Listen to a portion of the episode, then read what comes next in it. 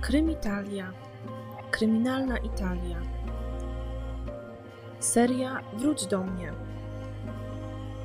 Odcinek trzeci. Zaginięcie genialnego fizyka. Dzień dobry, buongiorno. Partnerem dzisiejszego odcinka jest BookBeat, aplikacja, którą znam od dawna i z której chętnie korzystam. Jest wygodna, prosta w obsłudze, a przede wszystkim oferuje ogromny wybór audiobooków, dzięki czemu bez wątpienia każdy znajdzie tu coś do słuchania dla siebie. Jak już wiecie, ja jestem wielką fanką literatury, nie tylko kryminalnej, ale również fantastycznej, popularno-naukowej czy literatury faktu. Ze względu na różne obowiązki, nie jestem jednak w stanie poświęcać na czytanie tyle czasu, ile bym chciała. Dlatego BookBeat jest idealnym rozwiązaniem dla osób takich jak ja. Audiobooka można posłuchać w wielu różnych sytuacjach. Podczas spaceru z dzieckiem, w komunikacji miejskiej, na siłowni, umilając sobie sprzątanie czy gotowanie, a nawet w biegu pomiędzy wykonywaniem różnych codziennych zadań. Dzięki temu ja mam poczucie, że chociaż doba wydaje się nieco za krótka, to jednak udaje mi się wykrzesać sporo czasu na coś, co lubię i co daje mi dużo przyjemności i satysfakcji literaturę. Jeśli macie podobnie, zachęcam Was bardzo mocno do rejestracji na stronie bookbit.pl, wpisując kod Krymitalia lub korzystając bezpośrednio z linka, który znajdziecie w opisie filmu. Wystarczy ściągnąć aplikację na telefon i gotowe. Z kodem możecie słuchać audiobooków przez 30 dni za darmo w wersji premium. Po upływie tego okresu macie do wyboru różne pakiety. Możecie wybrać taki, który będzie najbardziej dostosowany do Waszych potrzeb. Z subskrypcji można zrezygnować w każdej chwili. Aplikacja jest do tego naprawdę świetnie zaprojektowana i intuicyjna. Macie możliwość pobrania audiobooka i słuchania offline. Możecie również zmienić prędkość czytania lektora, a nawet skorzystać z funkcji wyłącznika czasowego, jeśli na przykład słuchacie książki do snu i chcecie, aby odsłuchiwanie wyłączyło się po określonym czasie. Spośród wielu pozycji w BookBeat moją uwagę szybko przyciągnął audiobook pod tytułem Wszystko na ziemi wyginie Michela Bussi. Kiedy przeczytałam w opisie, że będzie chodziło między innymi o tajemniczą księgę skrywaną w czeluściach Biblioteki Watykańskiej, wiedziałam, że to coś dla mnie. Połączenie Włoch, tajemnicy i jednej z najbardziej fascynujących bibliotek świata nie może się nie udać. I nie zawiodłam się. Akcja płynie wartko, zagadka goni zagadkę, ale jest też sporo miejsca na refleksję. Książka obfituje w inteligentne przemyślenia na temat początków różnych religii, zakazanych od wieków ksiąg i tajemnic ludzkości. Stawia wiele pytań i udziela równie dużo odpowiedzi. Jest to połączenie klasycznej przygody, rasowego thrillera i smakowitej sensacji w najlepszym wydaniu. Od pierwszych minut słuchania wiedziałam, że stanie się inspiracją dla dzisiejszej sprawy, która również zawiera w sobie niejedną tajemnicę i otwiera pole do bardzo wielu interpretacji. A będzie to zagadka, która od wielu, wielu już lat rozpala wyobraźnię Włochów i nie tylko. Zaginięcie włoskiego fizyka Ettore Majorany. Zapraszam do słuchania. Ettore Majorana urodził się 5 sierpnia 1906 roku w Katanii na Sycylii. Jego rodzina jest bardzo dobrze sytuowana, posiada też długie tradycje związane z życiem kulturalnym i publicznym. Ojciec naszego bohatera pochodzi z rodziny o naukowych tradycjach, natomiast matka wywodzi się z bardzo bogatej rodziny posiadaczy ziemskich. Zgodnie z chętnie powtarzaną w rodzinie legendą, korzenie majoranów mają sięgać aż czasów rzymskich a konkretnie wywodzić się od cesarza Juliusza Waleriusza Majorianusa, żyjącego w V wieku. Od XVII wieku wielu członków tej rodziny robiło kariery, bardzo takie znaczące kariery, na przykład jako politycy, urzędnicy, uczeni i artyści. Ojciec Ettore jest inżynierem i piastuje wysokie stanowisko w Ministerstwie Komunikacji, natomiast jeden z braci ojca pracuje jako profesor fizyki na Università di Bologna. Ettore ma czworo rodzeństwa: Rosinę, Salvatore, Luciana i Marię. Jeden z jego braci zostanie doktorem praw oraz filozofem, drugi inżynierem aeronautyki specjalizującym się w przyrządach optycznych, a najmłodsza siostra skończy studia muzyczne i będzie pracować jako nauczycielka fortepianu.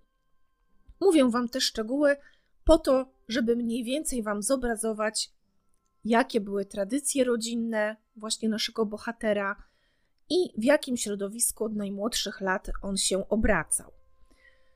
No i też tak jest, że mając właśnie takie podwaliny naukowe, kulturalne, on też mm, już od najmłodszych lat wykazuje bardzo wiele talentów. I widać też, że jest niezwykle inteligentny. W wieku pięciu lat umie na przykład wyciągać pierwiastki kwadratowe z bardzo dużych liczb oraz obliczyć prędkość rzuconego w powietrze kamienia, uwzględniając jego masę. Oczywiście bardzo to cieszy wszystkich jego bliskich, rodziców, ale także stryja, tego, który jest właśnie profesorem fizyki doświadczalnej. W wieku 7 lat Ettore jest też już zdolnym szachistą, o czym wspominają między innymi kroniki miejskie z tamtych lat. Szkołę podstawową chłopiec kończy w Rzymie. Jest to szanowana i znana placówka o nazwie Istituto Parificato Massimiliano Massimo, prowadzona przez jezuitów. Przeskakuje tam jedną klasę, oczywiście z tego powodu, że jest bardzo zdolny, tak więc idzie jak burza do przodu. A w ogóle wcześniej, jeszcze przed rozpoczęciem nauki w szkole podstawowej, pobiera też edukację domową. Po e, zakończeniu podstawówki e, idzie do liceum klasycznego Torquato Tasso, które kończy również w Rzymie, oczywiście z bardzo dobrymi wynikami. W 1923 roku zdaje maturę i zaraz po, po maturze, po egzaminach zapisuje się na Wydział Inżynierii Università di Roma. Dwa lata wcześniej, w roku 21, dołącza w ogóle do niego w Rzymie na stałe reszta jego rodziny. Do tej pory mm, wyglądało to raczej w ten sposób, że oni tylko do niego dojeżdżali, żeby tam właśnie w stolicy doglądać uczącą się młodą latorośl, ale w końcu właśnie ostatecznie przenoszą się do stolicy. Ettore studiuje razem ze swoim bratem Lucianem oraz między innymi z Emiliem Segre, nagrodzonym w 1959 roku Noblem jako współodkrywca antyprotonu. Są to w ogóle czasy niezwykle intensywnego rozwoju fizyki teoretycznej, przede wszystkim dzięki odkryciom teorii względności Alberta Einsteina. Gałąź ta zaczyna zdobywać pozycję jako w ogóle odrębna dziedzina nauki, często też ku niezadowoleniu tradycyjnych fizyków, którzy uznawali jako właściwą naukę jedynie fizykę doświadczalną. I właśnie to nowe podejście do fizyki, czyli mm, powstanie tej gałęzi opartej na teoriach przede wszystkim, było dla nich często no, niemożliwe właściwie do zaakceptowania. Tak więc wokół tego też jest sporo takich różnych kontrowersji. W 1927 roku przyjaciel Ettore, o którym wspomniałam, Emilio Segre, nawiązuje znajomość z bardzo młodym, bo zaledwie 26-letnim profesorem nadzwyczajnym fizyki teoretycznej na Università di Roma. Nazywa się on Enrico Fermi. Emilio jest tak zachwycony dokonaniami młodego naukowca, jego charyzmą, jego charakterem, no i oczywiście też fizyką teoretyczną, mm, ogólnie jako nową i szybko rozwijającą się dziedziną nauki. Y, tak właśnie jest tym wszystkim mm, podekscytowany, że postanawia zmienić kierunek studiów i z Wydziału Inżynierii przepisuje się właśnie na Wydział Fizyki Teoretycznej. I do tego samego kroku bardzo gorąco namawia swojego serdecznego przyjaciela Ettore Majoranę. Widzi w nim w ogóle ogromny potencjał, widzi jego inteligencję, ten niesamowity zmysł naukowy i od razu uznaje, że wszystko to sprawi, że będzie on świetnym fizykiem, właśnie teoretycznym. Wspomina o tym wszystkim również temu młodemu profesorowi Fermiemu, któremu wręcz zachwala swojego zdolnego przyjaciela. No i Ettore w końcu przyznaje, że chyba coś w tym wszystkim jest i ulega namowom przyjaciela. I w ten sposób w roku 1928 rozpoczyna studia w Rzymskim Instytucie Fizyki przy Via Panisperna pod okiem Enrica Fermiego. W czasie, kiedy Majorana rozpoczyna studia fizyczne, profesor Fermi pracuje nad czymś, co znamy dziś pod nazwą model Thomasa Fermiego. W tym modelu chodziło mniej więcej o to, żeby rozwiązać w przybliżeniu nieliniowe równanie różniczkowe, po to, aby obliczyć parametry. Tak uniwersalnego potencjału Fermiego. Tę definicję podaję za Krzysztofem Fiałkowskim, autorem referatu o dokonaniach i życiu Majorany. No i podczas pierwszej rozmowy w gabinecie Fermiego, jeszcze przed rozpoczęciem regularnych studiów na fizyce, Majorana wypytuje go o szczegóły dotyczące tego modelu, po czym wraca do niego następnego dnia i podaje mu kartkę ze swoimi obliczeniami, które, jak się okazuje, zgadzają się co do joty z wartościami parametrów obliczonymi wcześniej przez Fermiego. Po kilku dniach od tego zdarzenia Majorana przenosi się już oficjalnie na fizykę i rozpoczyna studia. W ten sposób dołącza do słynnego kręgu chłopaków z Via Panisperna, czyli młodych i bardzo zdolnych naukowców, skupionych wokół swojego guru. Zresztą oni nazywają go papieżem, czyli wokół profesora Enrica Fermiego. Majorana daje się też od razu tam poznać, przede wszystkim ze względu na swoje naprawdę wybitne zdolności.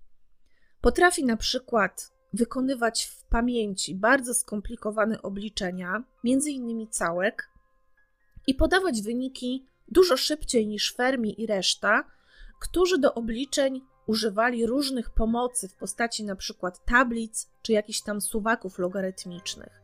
On tego nie potrzebuje, robi to wszystko w pamięci, a do tego szybciej niż właśnie ci koledzy z tymi wszystkimi pomocami.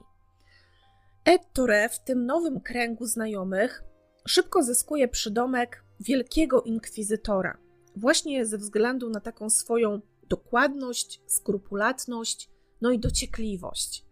Mamy więc tutaj papieża, mamy inkwizytora, ale nie tylko, ponieważ członkowie grupy lubili nadawać sobie właśnie takie kościelne przezwiska, więc byli wśród nich też kardynał, wieczny ojciec czy boska opatrzność. Grupa tych młodych mężczyzn z Via Panisperna do dziś uchodzi za legendę w kręgach znawców fizyki teoretycznej. Ettore zostaje magistrem 6 lipca 1929 roku. Pracę napisał oczywiście pod kierunkiem profesora Fermiego, a dotyczy ona rozpadów alfa jąder radioaktywnych. Otrzymuje za nią najwyższą możliwą ocenę oraz dodatkowo wyróżnienie.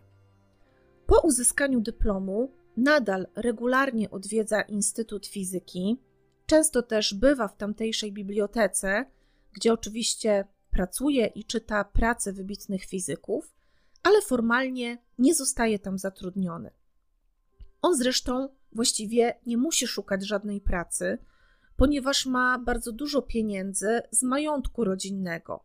Tak więc w instytucie może pracować sobie tak hobbystycznie, można powiedzieć nawet jako wolontariusz. No i tak też właśnie robi. Zwłaszcza, że uczelnia z kolei nie jest zbyt zamożna, no i tak nawet zatrudniając go, nie byłaby mu w stanie płacić jakichś tam kokosów, czy nawet godziwie. E, I mimo, że pomiędzy właśnie nim, czyli Ettore, takim asystentem na uczelni z wyboru, a profesorem Fermim, istnieje w tym momencie spora przepaść, jeśli chodzi właśnie tak o taką uczelnianą hierarchię, to jednak po pierwsze wiekiem zbytnio się od siebie nie różnią. Fermi jest chyba od niego jedynie o kilka lat starszy. E, I Ettore jest chyba jedyną osobą, która ma odwagę przeciwstawić się swojemu szefowi, jeśli zachodzi taka potrzeba. Tak więc w tym momencie, już po uzyskaniu dyplomu magistra, Ettore kontynuuje swoje badania, pracuje za darmo na uczelni i stara się również być na bieżąco z badaniami i dokonaniami swoich przyjaciół. Jest to czas, kiedy w świecie naukowym fizyka atomowa zaczyna ustępować pola fizyce jądrowej. Kto mm, być może nie zna dokładnej różnicy pomiędzy tymi dwiema dziedzinami, no to takie krótkie wyjaśnienie. Ja też niestety jestem laikiem w tym temacie, nad czym bardzo ubolewam, ponieważ to są naprawdę ogromnie fascynujące gałęzie nauki. Y, I kiedy tylko mam możliwość, to też uwielbiam sobie czytać jakieś opracowania popularno-naukowe właśnie na temat fizyki kwantowej czy astrofizyki. To są fascynujące dziedziny i Was też bardzo do tego zachęcam. Tak więc, krótkie wyjaśnienie: fizyka atomowa zajmuje się stanami elektronowymi w atomie, natomiast fizyka jądrowa zajmuje się badaniem budowy i przemian jądra atomowego.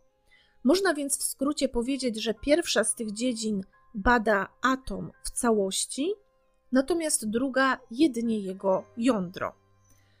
W 1931 roku Walter Botte i Richard Becker, późniejsi laureaci Nagrody Nobla, ogłaszają, że bombardując cząstkami alfa beryl, to jest jeden z pierwiastków, zauważyli, że emituje on bardzo przenikliwe promieniowanie, które przechodzi nawet przez 20-centymetrową ścianę z ołowiu.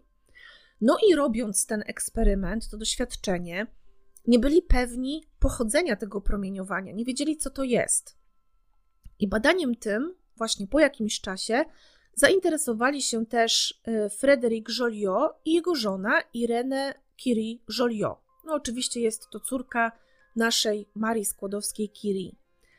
Cała czwórka badaczy na początku błędnie zakładała, że mają tu do czynienia z promieniowaniem rentgena, podczas gdy tak naprawdę chodziło tam o działanie neutronów. Zanim to badanie naukowe dotyczące odkrycia neutronów zostało oficjalnie opublikowane, Majorana, komentując właśnie badania Bota i Beckera oraz małżonków Joliot, powiedział coś takiego – oni nic nie zrozumieli. Tu prawdopodobnie chodzi o odrzut protonów spowodowany ciężką cząstką o neutralnym ładunku. Można więc stwierdzić, że Majorana jako jeden z pierwszych intuicyjnie odgadł, że w jądrze atomowym muszą znajdować się również cząstki neutralne i że są one tak naprawdę kluczowe dla stabilności struktury jądra atomowego. W latach 1932-33 Majorana formułuje podstawy swojej symetrycznej teorii elektronu i antyelektronu oraz hipotezy na temat struktury i funkcji neutrin, identycznych ze swoimi antycząstkami. Nie wiemy jednak tego wszystkiego, jak można by przypuszczać, z jego dorobku naukowego, z jego prac naukowych, artykułów, ale przede wszystkim z przekazów i wspomnień jego kolegów naukowców, z którymi na te tematy rozmawiał, a także z nielicznych rękopisów, jakie po sobie zostawił. Ale dlaczego tak? Ano dlatego, że Majorana zaczął na pewnym etapie swojej naukowej kariery wykazywać pewną niechęć do publikowania wyników swoich badań w oficjalnych czasopismach naukowych. Profesor Fermi, który od razu wyczuł oryginalność i znaczenie teorii wysnuwanych przez swojego błyskotliwego ucznia, bardzo go oczywiście zachęca do pisania tych artykułów naukowych, do publikacji rezultatów tych wszystkich swoich przemyśleń. Y, chcę też zacytować jego nazwisko podczas konferencji naukowej w Paryżu w 1932 roku. Tam on na tej konferencji ma wygłosić wykład o jądrze atomowym i właśnie w tym kontekście wspomnieć o pomysłach Majorany, które tam między innymi dotyczą też teorii sił wymiennych działających w jądrze, ale Ettore mówi nie, odmawia. Niedługo później niemal identyczne badania publikuje Werner Heisenberg, o którym z pewnością słyszeliście. Jest to również przyszły laureat Nagrody Nobla. No i ten fakt wywołuje ogromną konsternację i rozżalenie w kręgach naukowców z Via Panisperna. Przyczynia się to też do wzrostu legendy Majorany, który po raz kolejny odkrył, czy można powiedzieć przeczuł coś, co zostało później oficjalnie opublikowane, udowodnione przez kogoś zupełnie innego. Stąd też właśnie ta frustracja tych jego kolegów, znajomych, e, naukowców, że tutaj on im mówił wcześniej już o tych wszystkich rzeczach, e, opowiadał im o tych przemyśleniach, przeczuł to wszystko, prowadził takie badania, po czym nagle, kiedy oni mu mówią, ale to, to opublikuj to, to trzeba oficjalnie zrobić, on nagle się wycofuje, mówi nie, po czym po jakimś czasie zupełnie inny naukowiec publikuje praktycznie dokładnie takie same badania, no bo też oczywiście na to wpadł. Ale oni wszyscy wiedzieli, że Majorana wpadł na to pierwszy. E, wracając jeszcze do Heisenberga, to do dziś właśnie ta teoria struktury jądrowej Heisenberga często nazywana jest też w świecie naukowym teorią Heisenberga-Majorany. Właśnie przez to takie przez to chcąc podkreślić ten fakt, że również Majorana wpadł na to samo. Profesor Fermi y, nie ustaje w wysiłkach, aby zachęcić Majoranę do większej aktywności w naukowych kręgach. Widząc jego możliwości i potencjał, bardzo go namawia w pewnym momencie do odbycia podróży naukowej do Niemiec i Włoch.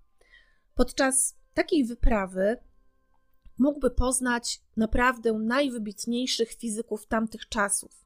Między innymi ojca atomu, Nielsa Bora, laureata Nagrody Nobla z 1922 roku. W międzyczasie Majorana, zachęcony, jakoś tam popchnięty przez swojego mentora, publikuje jednak kilka prac naukowych i dzięki nim w listopadzie 1932 roku otrzymuje tytuł La libera docenza in fisica teorica. Nie ma on, z tego co sprawdziłam, dokładnego odpowiednika w języku polskim, ale w skrócie chodzi o to, że naukowiec posiadający taki, taki tytuł y, może na przykład wygłaszać wykłady, nauczać, ale nie ma swojej katedry na wyższej uczelni. Tak jakby nie ma swojego stanowiska, nie jest zatrudniony y, na wyższej uczelni. Można powiedzieć, że to jest taki profesor z wolnej stopy. W styczniu 1933 roku Majorana, też oczywiście już po namowach Fermiego, udaje się do Niemiec, do Lipska, gdzie spotyka się m.in. z Heisenbergiem. Słynny naukowiec bardzo chwali teorię i odkrycia Majorany i również zachęca go mocno do dalszego publikowania swojego dorobku naukowego. Podczas tej podróży Ettore odwiedza też Kopenhagę, gdzie spotyka się ze wspomnianym wcześniej przeze mnie Borem, a następnie wraca znowu do Lipska. Z tej podróży Ettore wysyła mnóstwo listów, zarówno do swoich rodziców, jak i innych członków rodziny, a także do przyjaciół. Jest to pełna ciepła korespondencja, która świadczy o przywiązaniu młodego człowieka do swoich najbliższych. Wydaje się też, że pobyt za granicą był dla Majorany bardzo udany. No, oczywiście spotkał wybitnych naukowców ze swojej dziedziny, którzy dodatkowo utwierdzili go w przekonaniu, że on sam ma zdolności, że ma szansę odcisnąć piętno na, na tej włoskiej, europejskiej fizyce teoretycznej. Odwiedził inne kraje, poznał inne kultury, obyczaje. Tak więc z tych jego listów, z tego co opowiada, wynika, że bardzo ta podróż dużo mu dała, że bardzo mu się podobała, że wyniósł z niej zupełnie nowe, ciekawe doświadczenia. Jednak jesienią 1933 roku, kiedy Ettore wraca do domu, wydaje się bliskim, jakby zupełnie innym człowiekiem niż przed wyjazdem. Ale w jakim sensie? O co chodzi? Ettore wygląda na chorego. Y, oni to określali, że wyglądał na chorego zarówno na ciele, jak i na duszy. Źle wyglądał, był blady, słaby, mało mówił, no był zupełnie inny niż wcześniej. Po powrocie właśnie z tych Niemiec, z Danii, on też zaczyna się bardzo wyraźnie dystansować od tej grupy z Via Panisperna, z którą dotychczas spędzał oczywiście bardzo dużo czasu. I również począwszy od tego swojego powrotu z zagranicy, właściwie przestaje się pokazywać w Instytucie Fizyki. Jego siostra będzie jednak wspominać, że mimo wszystko dalej bardzo dużo pracował w domu, bardzo dużo czytał, pisał, a często wręcz zarywał całe noce. Ale właśnie przestał już chodzić tam, gdzie wcześniej spędzał bardzo, bardzo dużo czasu. W tym czasie jego przyjaciele z, z tej właśnie grupy rozwijają się nadal bardzo intensywnie w dziedzinie fizyki jądrowej. Ettore jednak nie uczestniczy w ich, w ich wysiłkach, w żaden sposób nie przyczynia się do ich odkryć, do odkryć, które staną się udziałem jego dotychczasowych przyjaciół i kolegów po, po fachu. Wiosną 1934 roku stosunki Majorany z chłopakami z Via Panisperna ulegają, można powiedzieć, takiemu krótkiemu, ponownemu ociepleniu. Każdy z nich właściwie uważał Majoranę za prawdziwego geniusza, za niesamowicie uzdolnionego matematyka i wybitnego myśliciela. Jeden z kolegów będzie wspominał, że pewnego dnia, właśnie podczas tego jakby chwilowego ocieplenia tej, tych relacji, pewnego dnia, będąc w instytucie, usłyszał podniesione głosy, a, więc, a wręcz krzyki dobiegające z gabinetu profesora Fermiego. A kiedy tam zajrzał, ujrzał właśnie jego, profesora i majoranę, którzy kłócili się ze sobą bardzo intensywnie, stojąc przed tablicą wypełnioną przeróżnymi działaniami jak to on określił, niemal kabalistycznymi symbolami, i do tego obrzucali się najróżniejszymi wyzwiskami w stylu ty kretynie, ty ośle i tak dalej. I to akurat był ostatni raz, kiedy właśnie ów kolega w ogóle widział Ettore Majoranę, ale do tego jeszcze wrócimy. Idźmy jednak chronologicznie. W 1935 roku naukowcy z Instytutu Fizyki dokonują bardzo ważnego odkrycia dotyczącego produkcji substancji radioaktywnych. Każdy z nich kontynuuje swoją karierę na różne sposoby, między innymi tam wyjeżdżają do innych miast, do innych krajów nawet. Otrzymują oczywiście też ważne stanowiska na uczelniach, niektórzy się żenią. Natomiast Majorana ponownie zaczyna trzymać się na dystans. Co więcej, on zaczyna wręcz izolować się od ludzi, nie tylko od dawnych kolegów, od pracowników instytutu, ale ogólnie od wszystkich. Przestaje na przykład chodzić do fryzjera, już tam też to jest opisywane, że te włosy już mu tam urosły w zupełnie nienormalny sposób, jest taki zarośnięty, broda, wszystko, ale jakby zupełnie nie czuje potrzeby, żeby, żeby je skrócić, żeby udać się do tego fryzjera. Nie chce nikogo widzieć, nie chce się z nikim spotykać.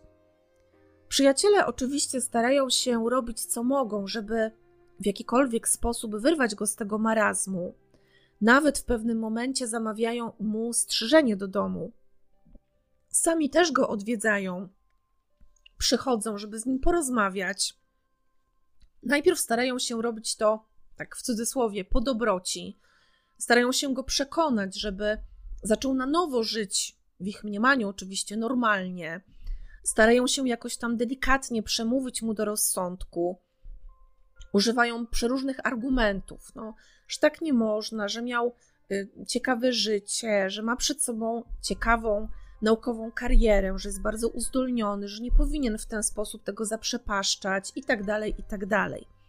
Kiedy takie logiczne argumenty w ogóle nie działają, do głosu też w pewnym momencie zaczyna dochodzić gniew, czyli już tam są takie właśnie wspomnienia tych przyjaciół, jednego z nich, że on wręcz krzyczał już na Majoranę, że po prostu się wkurzał na niego, żeby on już wreszcie wyszedł z tej swojej bańki żeby zaczął żyć tak jak wcześniej, no bo wszyscy się o niego martwią, czy on jest chory, czy coś mu jest, czy to jest jakaś, jakieś psychiczne zaburzenie, skąd taki straszny dół, skąd takie zachowanie, tym bardziej, że wcześniej oznak czegoś takiego w ogóle w jego życiu nie było.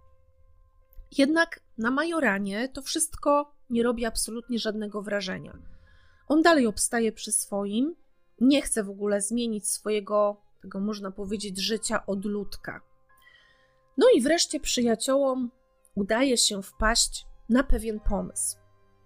Jakimś cudem nakłaniają majoranę, żeby wziął udział w konkursie na stanowisko profesora fizyki teoretycznej w Neapolu. W tym celu udaje im się też namówić go, żeby opublikował w jednym z prestiżowych czasopism naukowych jakieś tam jedne z dawnych wyników swojej pracy y, dotyczące tej teorii symetrycznej y, elektronu i pozytonu. A ta publikacja jest potrzebna właśnie do tego, aby pokazać osobom decyzyjnym, odpowiedzialnym za ten konkurs taką ciągłość pracy naukowej Majorany, który, jak już wiecie, de facto publikował niezwykle rzadko, mimo że pracował bez wytchnienia. Ettore na początku nie chce oczywiście o tym wszystkim nawet słyszeć. Wzbrania się jak może i protestuje, ale w końcu kapituluje. Komisja, w której skład wchodzi między innymi profesor Fermi, szybko uznaje, że jest on idealnym kandydatem na to stanowisko i Majorana dostaje tę robotę. Nominację przyjmuje 12 stycznia 1938 roku. I wbrew temu, co moglibyście sądzić po tym, co przed chwilą Wam o nim opowiedziałam, Majorana jest bardzo podekscytowany tą nową perspektywą, tej nowej pracy. W odpowiedzi na nominację wysyła list, w którym pisze, że zrobi wszystko, aby przyczynić się do rozwoju edukacji i nauki włoskiej. I faktycznie, tuż po otrzymaniu wieści o zaakceptowaniu jego kandydatury, pakuje walizki i przeprowadza się do Neapolu, gdzie właściwie już dzień po przyjeździe rozpoczyna nową pracę. Oczywiście to nie jest tak, że Majorana zostaje tym profesorem tak po prostu wygrywając sobie konkurs. Wiadomo, że idzie też za nim cała ta jego sława, może też już trochę w tym momencie ten nimb tajemniczości i geniuszu, jaki od początku go otaczał. A dodatkowo cały ten konkurs był, można powiedzieć, taką trochę intrygą uknutą przez profesora Fermiego, który bardzo chciał umożliwić swoim dwóm zdolnym uczniom karierę naukową w faszystowskich Włoszech. A że jeden z nich był z pochodzenia Żydem, a drugi synem znanych antyfaszystów, no to oczywiście nie było to niestety łatwe. Ale kiedy do całej gry, do tego obrazka dołączył Majorana, no to było w tym momencie oczywiste, że na pewno on dostanie tę katedrę w Neapolu, ale Fermiemu uda się obsadzić swoich dwóch podopiecznych na innych, nieco mniej prestiżowych, ale nadal ważnych stanowiskach. I tak też się stało. W każdym razie Ettore, przyjmując tę nową pracę, musi w jakiś tam sposób wrócić do normalności, do tej dawnej być może rutyny. Jest teraz pracownikiem uniwersytetu, to jest, jak wiecie, nowość, no bo tak jak Wam mówiłam, on wcześniej formalnie przez żaden uniwersytet nie był zatrudniony, pracował właściwie jako wolontariusz, to było jego hobby, jego pasja. No, w każdym razie teraz jest już oficjalnie pracownikiem naukowym, pracownikiem uniwersytetu. A co za tym idzie, należy oczywiście do pewnej grupy społecznej, od której jednak tak zwyczajowo dość mocno się wymaga, więc nie może już prowadzić tego życia odludka i outsidera w takim wymiarze jak do tej pory. Krążyły już wcześniej takie słuchy, że Majorana może cierpieć na jakieś zaburzenia psychiczne i że to właśnie z ich powodu wycofał się z życia towarzyskiego i naukowego. Jednak teraz, po tej nominacji, wszystko właściwie wraca na dawne tory. Majorana może poświęcić się karierze naukowej i może też zacząć nauczać innych. Nowych fascynatów, pasjonatów fizyki. Co prawda, nadal większość czasu spędza w hotelu, w którym zamieszkuje po przyjeździe do Neapolu. Tam też przygotowuje swoje wykłady, zajęcia itd., tak ale zaprzyjaźnia się na przykład z dyrektorem tamtejszego Instytutu Fizyki i często chodzi też na długie, choć samotne spacery. No i wszystko wydaje się iść ku dobremu. Jednak tylko do czasu. 25 marca 1938 roku, a więc raptem kilka miesięcy po rozpoczęciu nowej pracy przez Majoranę, dyrektor Instytutu Fizyki Teoretycznej w Neapolu, Antonio Carelli, dostaje od niego list o następującej treści. Drogi Antonio, podjąłem decyzję, która była już nie do uniknięcia. Nie ma w niej ani krzty egoizmu, ale zdaję sobie sprawę z problemów, jakie moje nagłe zniknięcie może sprawić Tobie i studentom. Dlatego proszę Cię, abyś mi wybaczył przede wszystkim to, że zawiodłem Twoje zaufanie, szczerą przyjaźń i życzliwość, jakie mi okazywałeś przez kilka ubiegłych miesięcy. Proszę Cię też, abyś wspomniał o mnie tym wszystkim, których poznałem i których cenię w instytucie. Wszystkich zachowam w miłej pamięci, przynajmniej do jedenastej dziś wieczorem, a może i dłużej. Ettore Majorana.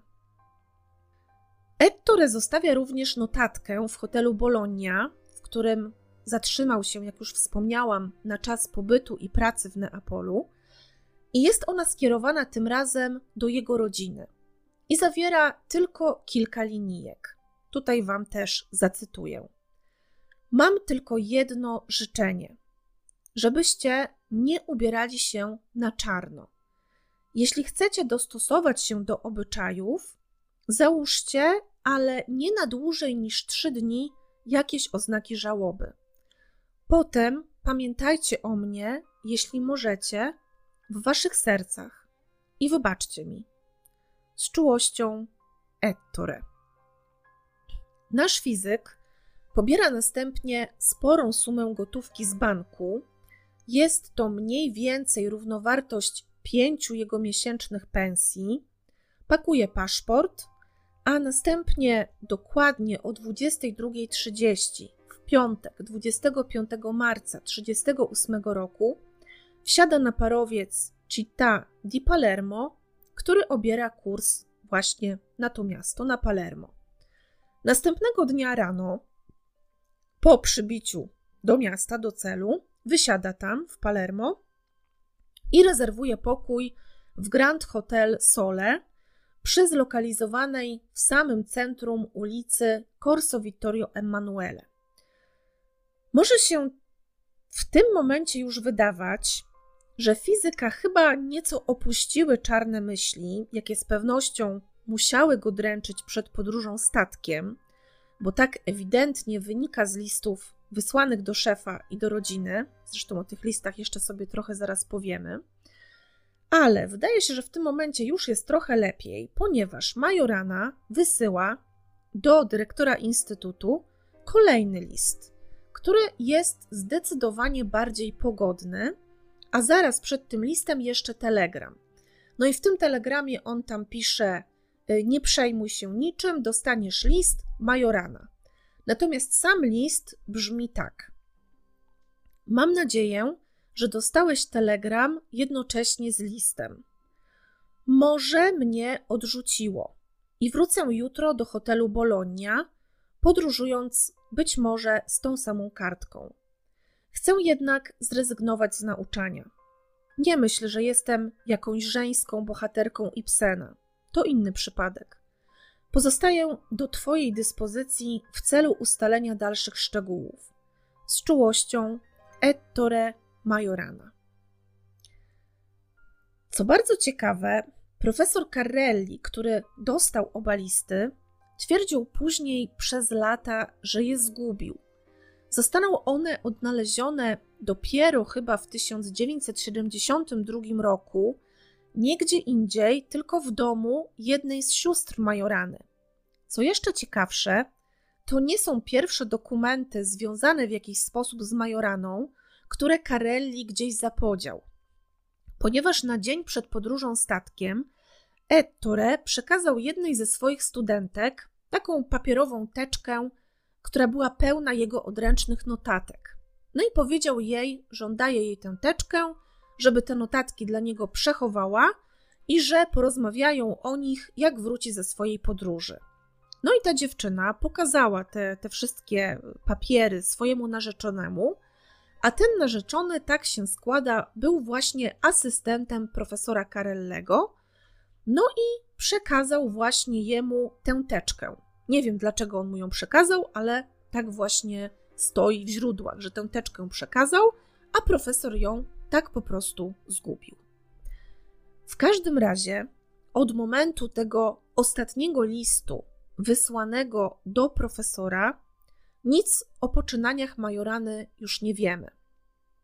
Z listu wynika, że Ettore miał wracać do Neapolu statkiem odpływającym 26 marca wieczorem. Stąd też właśnie w tym drugim liście ta uwaga, że on będzie podróżował z tą kartką, ponieważ właśnie statek przewoził też pocztę. Także było duże prawdopodobieństwo, że napisany przez niego list będzie płynął właśnie dokładnie tym samym statkiem co on. Powszechnie sądzi się, że Majorana całą sobotę 26 marca spędził jeszcze w Palermo, podobnie zresztą jak niedzielę kolejnego dnia. Nabył bilet na statek odpływający do Neapolu 27 marca wieczorem. I ten statek zawijał do portu następnego dnia rano, czyli w poniedziałek. Ale z tego co wiemy, nikt majorany schodzącego z pokładu nie widział. Prawdopodobnie również nikt o takim nazwisku nie kupił biletu Palermo-Neapol na ten statek. Rodzina Majorany jednak dementowała te pogłoski, ponieważ już od momentu zniknięcia fizyka oni zaczynają bardzo intensywne poszukiwania i są właściwie pewni, między innymi dzięki zeznaniom świadków, że Ettore był na tym statku, na tym właśnie płynącym już z Palermo do Neapolu 27 marca. Według rodziny firma przewozowa, właśnie właściciel te, tych, tych statków, odpowiedzialna za, za tę podróż, znalazła też dwa bilety wystawione na nazwisko Ettore Majorany. Jeden z nich był z 25, a drugi z 27 marca. Oprócz tego, podczas podróży, podróży powrotnej, Ettore miał dzielić kabinę z dwoma innymi pasażerami, a jednym z nich był pewien naukowiec z Palermo, który twierdził, że jest przekonany, że jego współpasażerem był właśnie Ettore Majorana lub mężczyzna ogromnie do niego podobny. Z kolei oficjalne poszukiwania zaginionego fizyka prowadzone już przez policję rozpoczynają się dopiero po 30 marca, czyli po tym, jak profesor Carelli wysyła do rektora swojego uniwersytetu list, w którym informuje go o zniknięciu Majorany.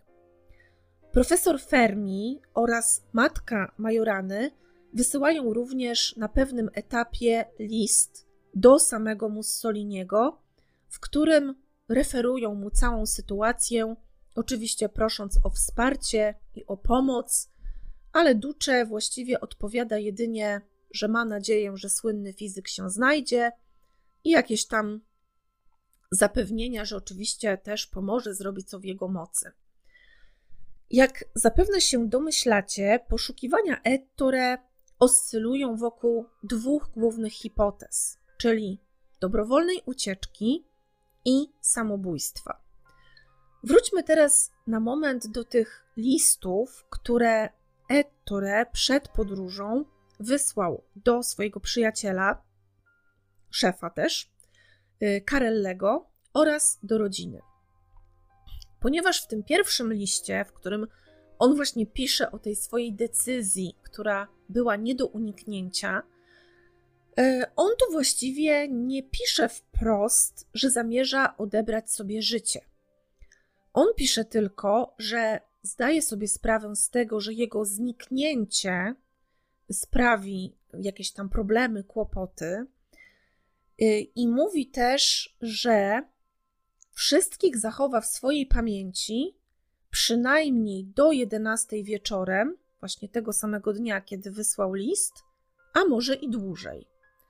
Czyli to też jest takie, wiecie, to nie jest list pożegnalny. Nie jest to napisane w ten sposób, że nigdy się już nie zobaczymy, że to jest jakaś ostateczność, że on podjął decyzję, żeby odebrać sobie życie no bo co to ma znaczyć, że zachowam was w pamięci do 11 dziś wieczorem?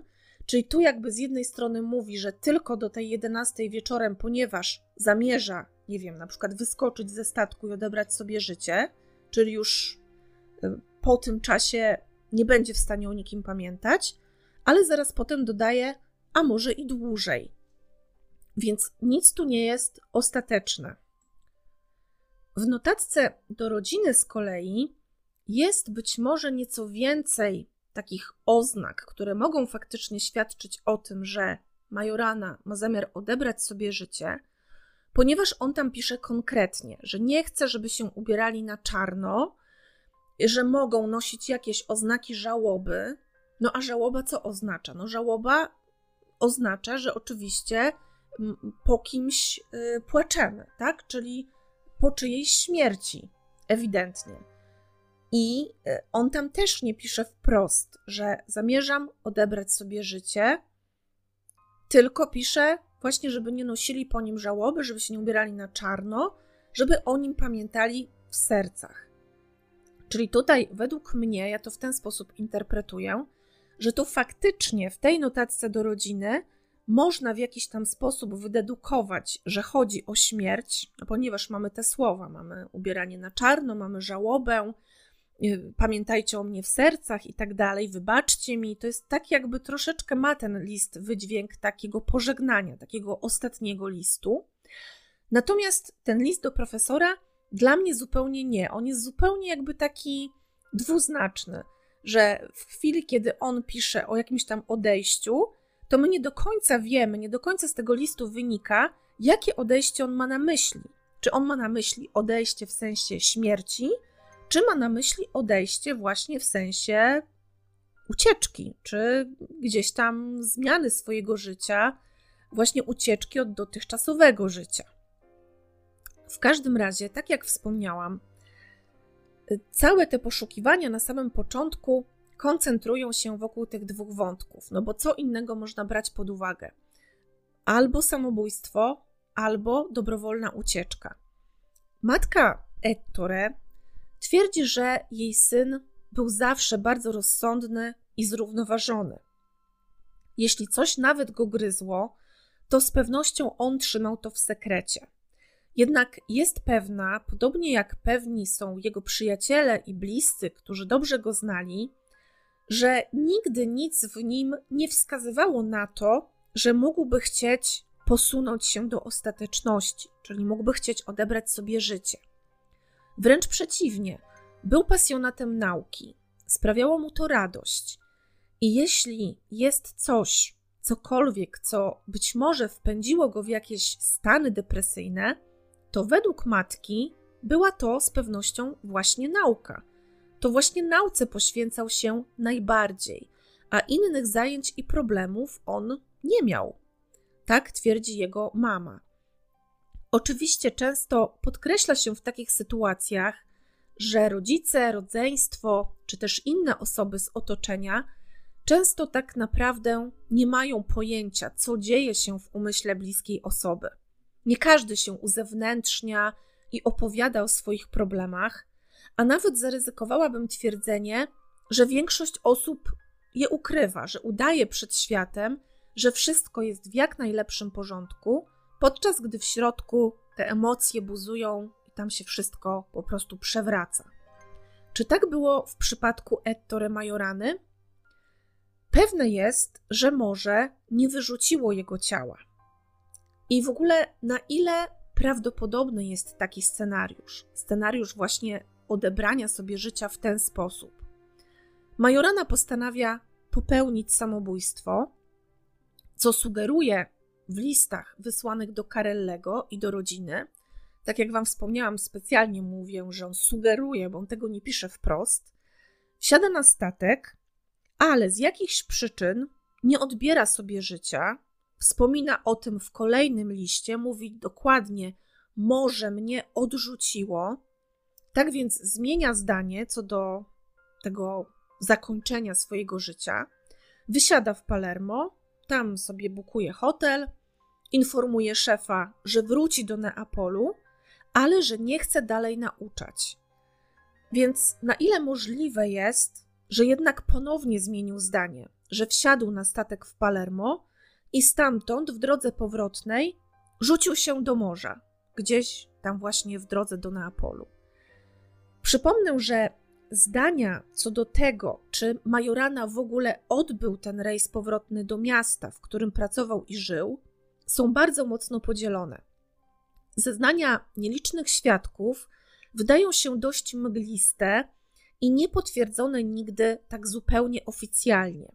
Z kolei bilety znalezione rzekomo przez firmę przewozową nie muszą wcale świadczyć o tym, że Ettore wsiadł na statek. Przecież mógł kupić bilet, ale z rejsu jednak w ostatniej chwili zrezygnować, na przykład zejść z pokładu, a bilet gdzieś tam został na miejscu. Sama kwestia akurat takiego wyboru, jeśli chodzi o odebranie sobie życia, jest też w przypadku Majorany dość dyskusyjna. Jak będą twierdzić znajomi i rodzina, on jako rodzimy Sycylijczyk był świetnym pływakiem, a osobie, która potrafi dobrze pływać, podobno trudno jest tak po prostu pójść pod wodę, żeby utonąć. Myślę, że musiałoby chyba to polegać na tym, że taka osoba po prostu płynie póki może, póki jej starczy sił, no a w pewnym momencie wiadomo, że te siły nas opuszczają, no i dopiero wtedy, tak, idzie pod wodę i, i się topi.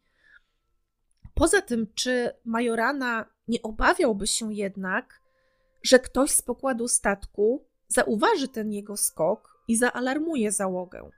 Ja nie wiem, jak wyglądał ten statek, jak w ogóle wyglądał taki rejs, no ale podejrzewam, że to też nie było tak, że w nocy, no rejs się na przykład zaczynał tam 22 z kawałkiem, czy 23.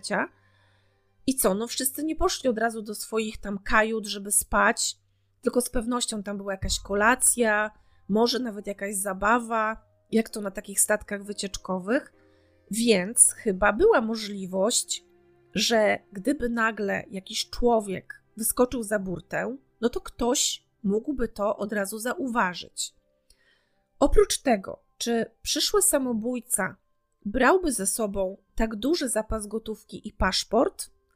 No, raczej nie, ale równie dobrze można założyć, że ten początkowy plan ucieczki przerodził się z czasem w plan samobójczy. Zauważyć też trzeba, że ostatnie listy Majorany napisane są bardzo starannie, takim pięknym, kaligraficznym, eleganckim pismem, również z zachowaniem wszystkich zasad interpunkcji, sztuki pisania listów, oczywiście też ortografii, gramatyki itd. Tak, tak jakby osoba pisząca te słowa, te listy, znajdowała się w jakimś tam stanie równowagi psychicznej. jakby była spokojna, jakby nie targały nią żadne głębsze emocje. Nie wiem oczywiście na ile to jest miarodajne, bo ekspertem w tej dziedzinie nie jestem, ale w książce poświęconej Majoranie czytałam, że listy samobójców często bywają jednak, przyszłych samobójców, często bywają jednak chaotyczne, takie nieskładne. Wiecie, właśnie tak jakby osoba, która to coś takiego pisze, była gdzieś tam pod wpływem sporych emocji, tak więc tam gdzieś to pismo się przerywa, jest troszkę inny charakter niż zazwyczaj, na przykład nie pamiętają o przecinkach. Tutaj natomiast tego zupełnie nie ma. Listy są spójne, eleganckie, poprawne, pisane idealnym charakterem pisma. Pozostają też tutaj, no nie bez znaczenia są e, kwestie etyczne, e, ponieważ jak się podkreśla, Majorana był Sycylijczykiem, tradycyjnie przywiązanym do swojej rodziny i czy gdyby naprawdę chciał odebrać sobie życie, czy zostawiłby swoim bliskim tak krótką, lakoniczną notatkę, takie ledwie kilka słów pocieszenia? Czy jednak, gdyby naprawdę chciał to zrobić i sprawić, no jakby nie było, tak duży ból swoim rodzicom, rodzeństwu, pozostałej rodzinie, to jednak nie napisałby czegoś więcej? Przecież nawet ten list, który on napisał do Carellego, do tego profesora, był dłuższy i tam było więcej szczegółów niż ta notatka, która miała być teoretycznie chyba tym listem pożegnalnym do rodziny. Jak już napomknęłam, rodzina Majorany od początku neguje hipotezę o samobójstwie.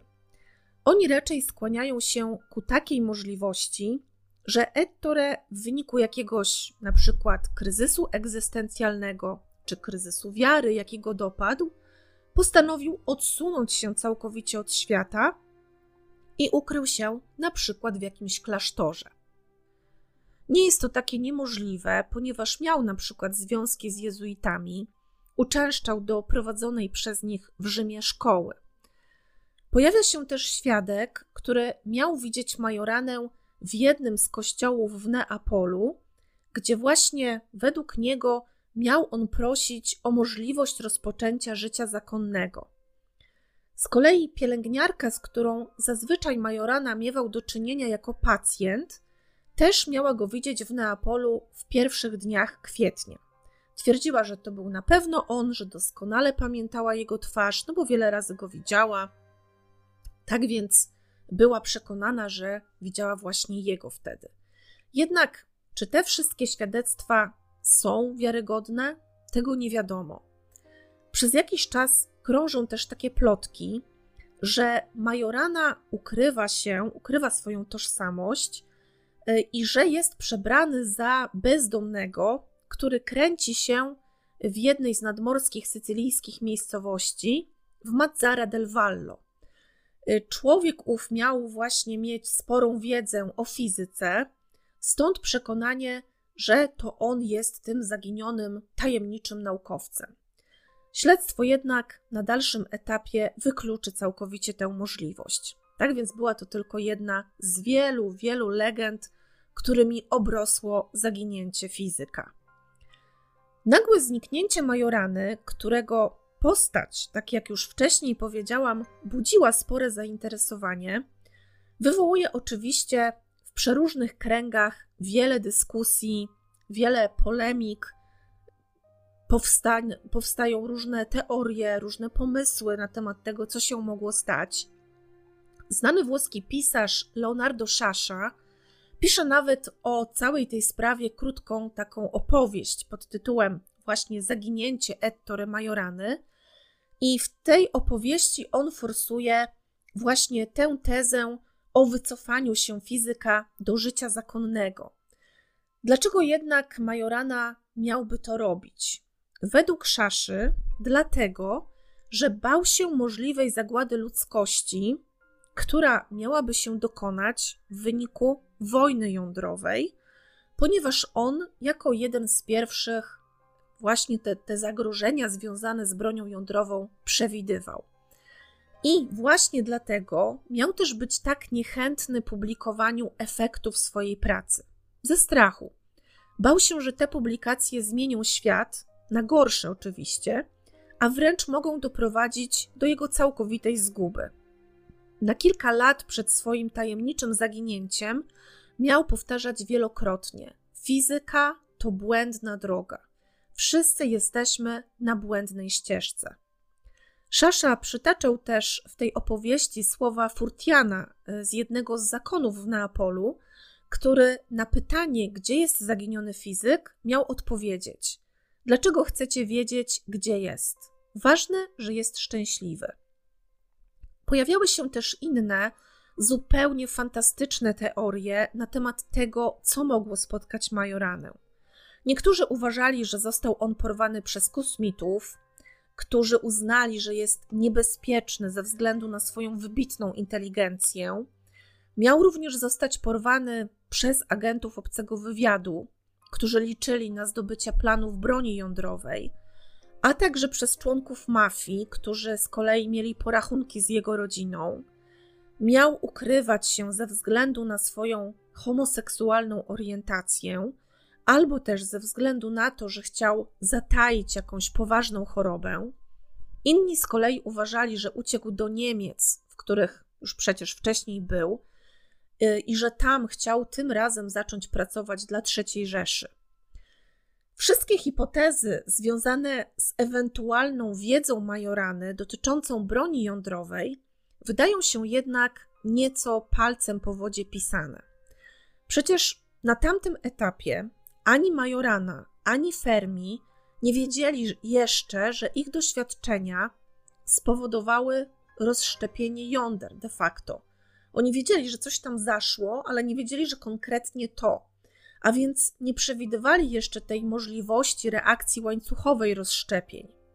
Gdyby nawet jednak Majorana miał aż tak genialną intuicję, że zrozumiałby, jakie konsekwencje mogą przynieść te badania, no to przecież nikomu o tym nie mówił. Właściwie on był znany z tego, że nie zajmował się zupełnie oficjalnie pracą naukową. Tym bardziej więc inni ludzie, jacyś tam agenci czy ktokolwiek inny, nie mogli wiedzieć, że Majorana posiadał jakąkolwiek niebezpieczną wiedzę na ten temat. To wszystko, cała ta sprawa właśnie z bronią jądrową, z tymi reakcjami i tak dalej, to się zaczęło dopiero kilka lat później, po jego zaginięciu. W 2011 roku, po transmisji Kilavisto, to jest, jak już pewnie większość z Was wie, taki e, bardzo znany program, odpowiednik naszego Ktokolwiek widział, ktokolwiek wie, tylko chyba jeszcze bardziej popularny. Tak więc e, po transmisji odcinka E, poświęconego oczywiście zaginięciu fizyka, śledztwo w jego sprawie ponownie zostało otwarte, ale zamknięto je już 4 lata później, w 2015 roku. A czy były jakieś konkluzje? Ano były i to dość ciekawe. Majorana miał bowiem zostać zidentyfikowany dzięki porównaniu fotografii w osobie niejakiego pana Biniego w dalekiej Wenezueli, a więc w Ameryce Południowej. Zdjęcie owego pana podobno przedstawiało cechy niemal identyczne jak zdjęcie ojca Majorany, zrobione mniej więcej w tym samym wieku. Ale to nie wszystko, ponieważ dodatkowo w aucie tegoż właśnie pana, pana Biniego, znaleziono pocztówkę jaką stryj Majorany, ten, który też był fizykiem, wysłał do jednego ze swoich amerykańskich kolegów. No i skąd ta pocztówka miałaby się tam niby wziąć? Założono więc, że prawdopodobnie Bini to Majorana.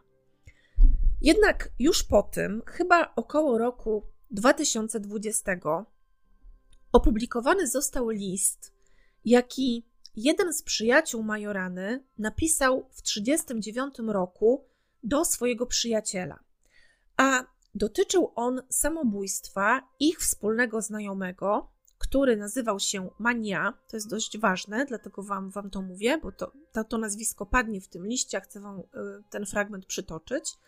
No i ten list kończył się właśnie takim dość znamiennym zdaniem. A brzmiało ono tak. I w ten sposób straciliśmy kolejnego przyjaciela. Wydaje się, że to los popycha młodych ludzi jak Majorana i Mania do tych ostatecznych rozwiązań.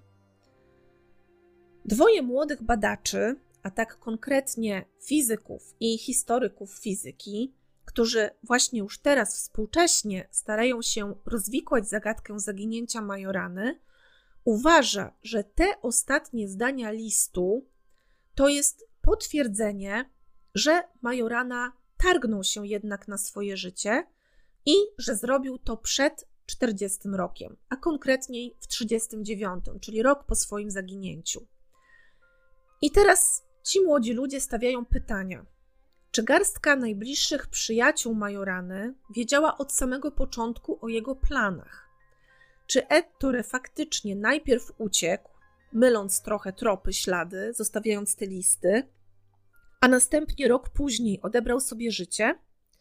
Co więcej, pojawiają się też takie głosy, że również rodzina fizyka wiedziała o jego planach i że była od początku we wszystko wtajemniczona, pozwalając niejako, aby wokół całego tego zaginięcia narosła ta cała otoczka tajemniczości, zagadki, jakichś tam dziwnych powiązań z mafią, z trzecią Rzeszą, z faszystami itd. Tak Pomimo tego, że Majorana tak mało publikował i że nie był typowym naukowcem, takim wiecie, dzielącym się ze światem swoją wiedzą, swoimi odkryciami, to jednak do dziś jest uważany za jednego z najwybitniejszych fizyków teoretycznych XX wieku.